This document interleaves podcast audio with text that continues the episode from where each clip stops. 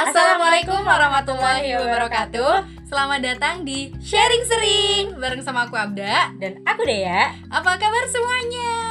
Wah udah lama banget ya Dea kita nggak bikin podcast Iya lama banget kayak udah berapa bulan sih? Ada 6 bulan kali kita nggak bikin podcast Betul eh, di podcast kali ini kita mau bahas apa nih Da?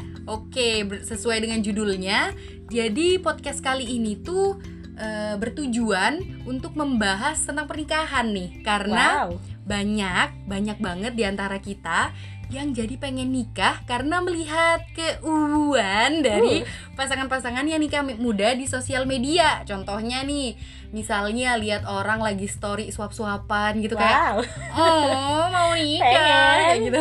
Aku juga sering banget sih lihat di story-story gitu kan Pasangan nikah muda yang lagi bulan madu Lagi jalan-jalan berdua Wah kayaknya asik banget tuh nikah gitu. Kayaknya bahagia banget Iya, iya. gitu kan. Jadi pengen juga sih Bener. Berbersih Pasti Jadi eh, sebelum lanjut, ini disclaimer dulu ya. Kalau podcast ini tuh murni opini dari aku sama Dea pribadi. Jadi teman-teman boleh banget mau setuju atau enggak. Yang penting kita tetap saudaraan, oke? Jadi se- eh, kenapa kita ngebahas tentang nikah?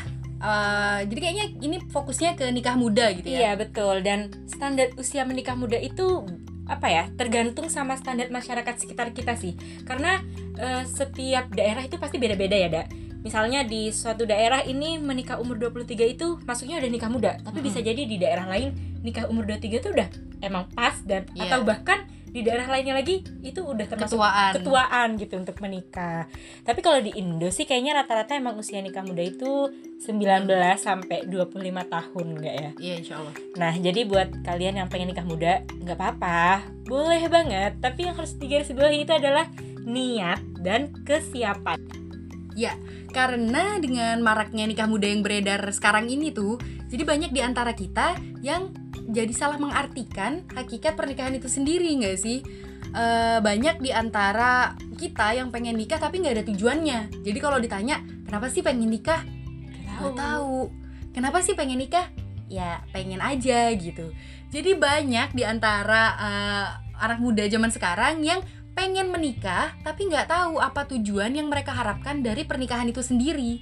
Betul banget, Da. Dan banyak juga yang kalian aku lihat itu anak muda yang menjadikan pernikahan itu sebagai sebuah pencapaian, bukan ibadah. Jadi kayak emang mereka- tuh nikah karena gengsi aja gitu ngelihat Hmm, teman-teman iya mereka udah pada nikah, saudara-saudara mereka, tetangga-tetangga mereka udah pada nikah terus Iya kayak kan? ngerasa insecure. insecure. Jadi kayak aduh mereka udah pada nikah nih aku aku harusnya nikah juga nih. Padahal setiap orang itu punya waktunya sendiri-sendiri dan nggak sama. Dan apakah menikah nggak menikah muda itu adalah sebuah kegagalan? Ya enggak lah. nah enggak kan? Jadi balik lagi setiap orang itu punya waktunya sendiri-sendiri untuk menikah gitu Dan ada juga kasus lain yang eh, sering kita temukan tuh banyak yang menjadikan pernikahan sebagai tujuan akhir kehidupan gitu loh. Seakan-akan kalau kita udah menikah itu selesai semua masalah. Misalnya capek banget skripsi pengen nikah aja atau eh, gini amat nyari kerja pengen pengen nikah aja kayak gitu. Terlepas itu dari bercandaan atau enggak, tapi kita harus tahu bahwa setelah menikah itu akan banyak banget masalah yang kita hadapi dan gak pernah kepikiran gitu loh sebelumnya. Jadi, kalau kita menikah hanya untuk lari dari masalah, bagaimana kita mengatasi masalah-masalah ke depannya nggak sih?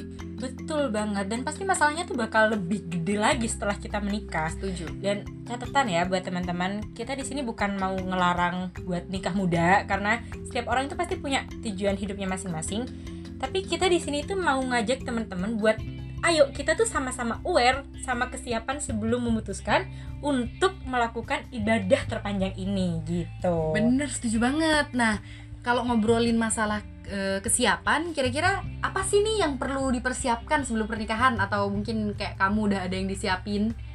aku ya ya kalau setiap orang sih menurut aku punya standar kesiapan yang beda-beda dan sebelum menikah itu kita pastinya harus bisa mengatasi masalah yang ada dalam diri kita sendiri Hmm, kayak bener-bener. misalnya mungkin ada orang yang dia eh, concern sama finansial ya jadi Hmm. dia pengen sebelum menikah harus selesai sama finansial dia. Dia Hmm. pengen siap finansial dulu nih sebelum menikah tapi ada juga mungkin orang lain yang dia fokus sama kebahagiaan diri dia. Mm-mm. sebelum nikah oh aku harus bahagia di bahagia dulu nih karena kalau aku nggak bahagia gimana aku mau membahagiakan orang lain? Gitu. Ah mantap.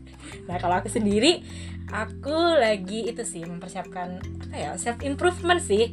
Tapi lebih konsennya ke konsennya lebih ke pendewasaan diri aku. Jadi kayak aku pengen bisa lebih mandiri lebih dewasa dan aku belajar buat mengatur keuangan.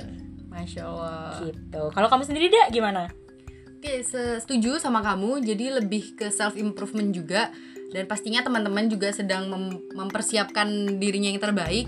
Kalau aku lebih concernnya ke persiapan mental sama emosional karena menikah itu kan kita harus deal with someone else ya. Kayak ya betul banget kita nikah bukan cuma sama suami kita, tapi ada orang tuanya, ada adik-adiknya, ada keluarga besarnya. Jadi kita harus tahu eh, seni bersosialisasi dengan orang lain kayak gitu.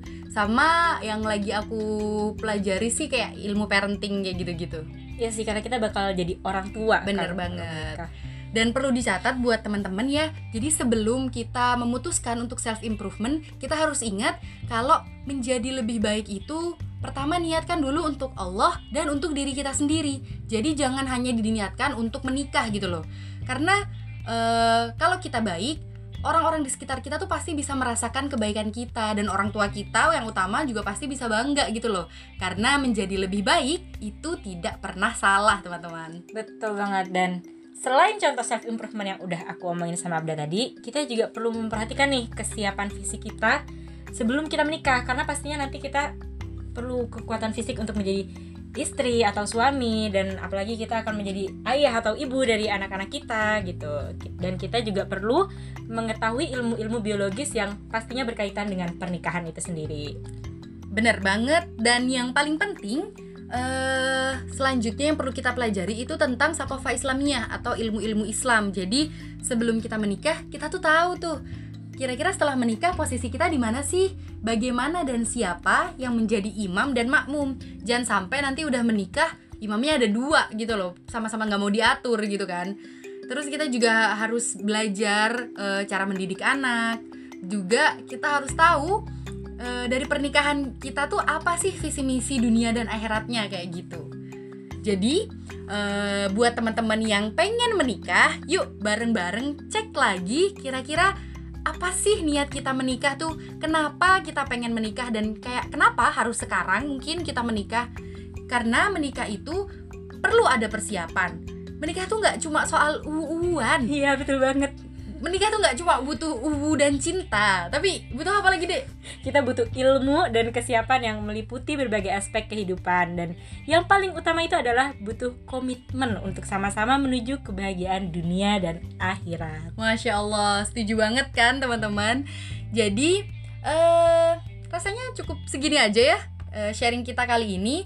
Semoga sharing kita bermanfaat untuk semua baik yang ngobrol dari tadi nih aku sama Dea ataupun yang ngedengerin. Semoga dengan ini kita bisa lebih aware kenapa sih kita pengen menikah. Kita bisa lebih mempersiapkan diri kita untuk menjalani ibadah terpanjang dalam Islam insya Allah Amin. Dan semoga bisa bertemu lagi di podcast-podcast berikutnya. Dan sekali lagi kita mengingatkan kalau teman-teman sangat boleh boleh banget. untuk sepakat dan menolak opini kita. Tapi yang terpenting kita tetap saudara di mana pun kita berada. Setuju, jadi nggak usah ada permusuhan kalau ih kok gini sih opininya? Nggak apa-apa kalian mau setuju atau nggak setuju itu terserah. Terserah. terserah sama kalian. Oke untuk kritik dan saran boleh langsung kirim ke DM at Abda Kamalia atau Ede Rahmani. Terima kasih sudah mendengarkan. semoga bermanfaat Wassalamualaikum warahmatullahi wabarakatuh. berapa menit